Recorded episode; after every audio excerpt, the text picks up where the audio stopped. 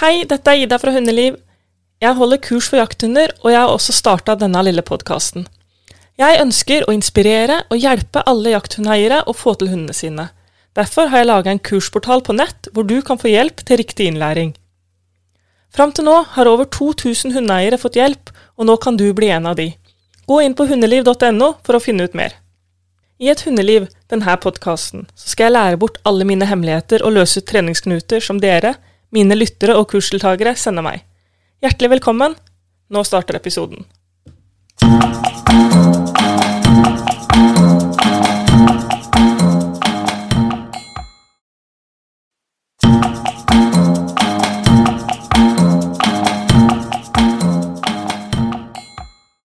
Denne episoden er til deg som skal gå jaktprøve for stående fuglene for første gang, eller for deg som vil lære mer om jaktprøvesystemet vi har for de stående fuglene i Norge. Vi har fire jaktprøvegrener skog, lavland, høyfjell og fullkombinert. Akkurat nå så spøker det litt for lavland og om det blir noe mer av, men enn så lenge så nevner jeg det fortsatt. Det finnes tre klasser UK, AK og VK. UK står for unghundklasse, AK for åpen klasse og VK for vinnerklasse. Du er unghund helt til du er fylt to år. Deretter er du AK. For å delta i VK så må du ha fått en første AK i løpet av de to siste årene. Vi kaller det en VK-billett. Hvis du ikke har fått en VK-premie eller en ny første AK innen utgangen av de to årene, så må du skaffe deg en ny billett før du igjen kan delta i VK. De forskjellige jaktprøvegrenene har ikke alle klassene. På skog finnes ikke UK og VK, og i fullkombinert finnes ikke VK, og på fullkombinert skog finnes ikke UK. Det vil si at du kan stille i UK og AK på fullkombinert høyfjell og lavland, men bare AK på fullkombinert skog. Du kan stille i alle klasser på høyfjell og lavland, men bare AK i skogen. Akkurat det her kan jo være litt forvirrende for en stakkar når man møter på det for første gang. Og jeg veit ikke hvorfor unghunder ikke får gå i skog. I andre land så er det ikke sånn, så det er ganske norskt at vi har denne begrensningen. Forskjellen mellom UK, AK og VK er at UK og AK er kvalitetsklasser. Det betyr at hun må vise et bestemt sett med kvaliteter for å oppnå en premiegrad. For å få første UK AK må hunden vise et utmerket søk i en time, reise fugl presist og være rolig i oppflukt og skudd. I UK er det akseptabelt at hunden går litt etter. I AK så må hunden også utrede for å se om det finnes mer fugl i området. Alle som er gode nok for en premiegrad, får denne premiegraden. VK er konkurranse. Det er rangering fra første til sjetteplass, og det er bare én hund som kan få første VK per parti. Du kan få første VK med et upresist fuglearbeid uten reis og slipptid på 15 minutter, bare du er best av de hundene som er med den dagen. I motsetning til AK, som har spesielle krav til førstepremien som sikrer kvalitet, handler VK bare om å være best av de hundene som er med på det partiet akkurat den dagen. Noen prøver går over én dag, andre opptil tre dager. Hver dag representerer en ny start, og du kan melde på én dag eller alle dager i kvalitet. Men hvis det er flere dagers VK, så er det kvalifisering og konkurranse for å komme videre. Det du må ta hensyn til når det gjelder flere starter etter hverandre, er din tid og hvor mye overskudd hunden, hunden din har. Det er tøft med prøve tre dager etter hverandre. Etter at du har meldt deg på prøven, så får du ikke vite om du får plass før partilistene kommer ut.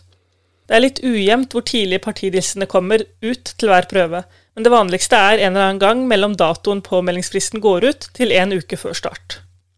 Hvis du ikke får plass, så havner du på venteliste. Arrangøren fyller inn fra ventelista etter hvert som folk melder avbud, og hvis du står høyt oppe på ventelista, så vet du ikke nødvendigvis om du får plass før selve oppropet på prøvedagen. Får du plass, så møter du opp på oppropet. En del av de store prøvene har anviste plasser du skal parkere, sånn at du kommer i en rekke som skal til det terrenget du er oppsatt på. På mindre prøver blir partier ropt opp, og du får beskjed om hvilken bil du skal følge etter. Når jeg begynte å gå prøver, så syntes jeg det var ganske stressende. Jeg var, jeg var, og er redd for å ikke finne frem. Eh, noen få prøver har lagd Google Maps-link til terrengene, og det syns jeg er en veldig fin sikring. Men selv om jeg syns at det her med opprop og komme seg av gårde etter rett bil er travelt, så har det alltid gått bra. Men du skal ikke somle veldig mye etter at navnet ditt er ropt opp og partiet begynner å flytte på seg. Når du er framme, så bruker dommeren å ta et nytt opprop, for å så fortelle litt om prøven. Ofte så spør de om det er noen som er nye med. Og hvis du er ny, så er det lurt at du sier ifra om det der. Slippene de begynner etter rekkefølgen på lista. I skog så slipper du hunden aleine, men på fjell og lavland så slippes hundene to og to. Hundene skal jo vise at de kan bruke vind og søke selvstendig etter fugl. Noen ungdommelige hunder som ikke er tilstrekkelig erfarne, kan finne på å løpe etter hverandre i stedet for å jakte.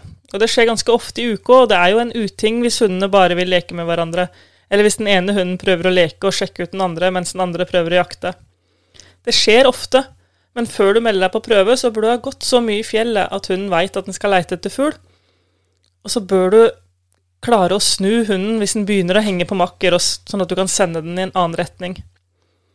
Henging er dumt fordi usikre hunder kan bli redde og slutte å jakte. Og hvis det er to hormonelle som møtes, så kan det fort bli litt glefsing uten at de er slemme eller aggressive, men det bør jo unngås.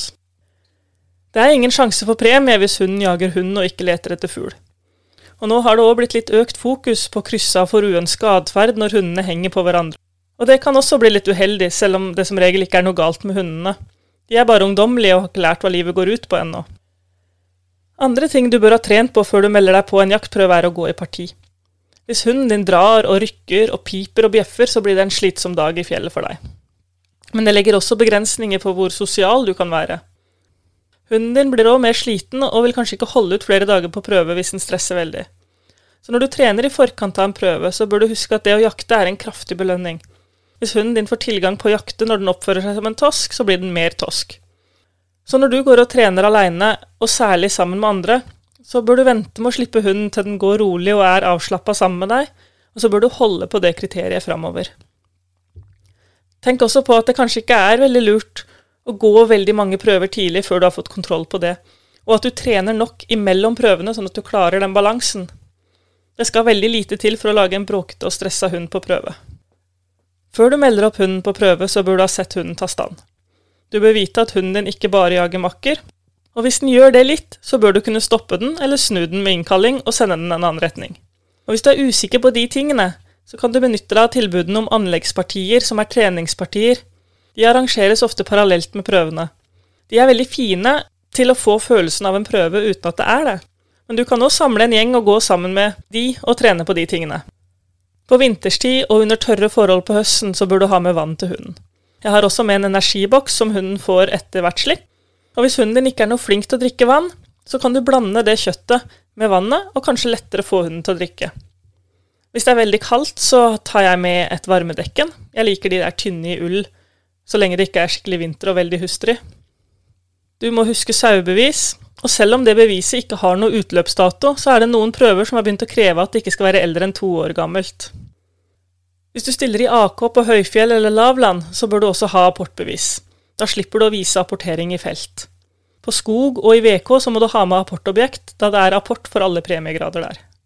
En tørka rype er godkjent som apportobjekt og er enkel å ha med i sekken. Når det er din tur til å slippe hunden, så har du lov til å ha på den jaktdekken. Det er et markeringsdekken med sterke farger som skal hjelpe deg å se hunden i terrenget når den står i stand. Halsbånd må av, og GPS er ikke lov, men du har selvfølgelig lov til å ha på potesokker. Når du går med hunden, så skal du og eventuelt fører til makker gå sammen med dommer. Gå seint, og følg gjerne farten til dommeren. La hunden få tid til å avsøke området, det er tross alt derfor du har hund. Vi har også stående fuglehunder, og fordelen med de er at de står for fugl og venter til vi kommer opp til dem. Hvis du går for fort, så presser du hunden i terrenget, og den vil ikke få avsøkt terrenget like godt. Du får ikke vist fram et godt søk, og så er sjansen for at dere går forbi fugl eller støkker de, ganske mye større. Hvis du er litt nervøs for hva hunden din holder på med når du ikke ser den, så kan det være lurere å gå sammen med dommeren enn å begynne å løpe etter hunden. Dommere er ofte flinke til å posisjonere seg sånn at de får god oversikt, og i tillegg så vil du se det samme som dommeren, og dermed kan du avverge ting med å bruke fløyta, og alt dere ikke ser, det har ikke skjedd. Helt til slutt så vil jeg minne om at de aller fleste som går prøver, har ikke perfekt dresserte hunder. Det er utrolig mange som ryker ut fordi at hunden jager makker, ikke respekterer fugl, ikke hører på eierens signaler, går ut av hånd eller ikke apporterer. De fleste fuglearbeidene er heller ikke perfekte, verken på jakt eller prøver. Men de kan like fullt være godt premierbare. Så ikke vær redd for å så stille med hunden din. Alle har vært nybegynnere en gang, og den beste måten å bli mer erfaren på, er å delta.